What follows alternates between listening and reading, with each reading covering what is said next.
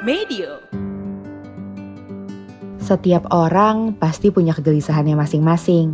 Tapi saat usia kita menginjak kepala dua, rasanya semua kegelisahan itu mendadak berkumpul dan meledak. Mungkin kamu juga lagi berada di fase ini. Seakan banyak banget hal yang harus dipikirin. Mulai dari mikirin tujuan hidup, siapa aja teman kita sebenarnya, sampai-sampai merenung tentang keputusan yang kita pilih. Pertanyaan-pertanyaan itu terus aja muter di kepala. Waktu ngerasain gelisah dan bingung, kadang aku sering ngobrol dan meminta bantuan ke orang yang lebih dewasa. Tapi ternyata mereka juga punya kebingungan dan kegelisahannya sendiri. Mungkin hidup memang harus dijalani aja, karena setiap orang juga punya kebingungan dan keresahannya masing-masing.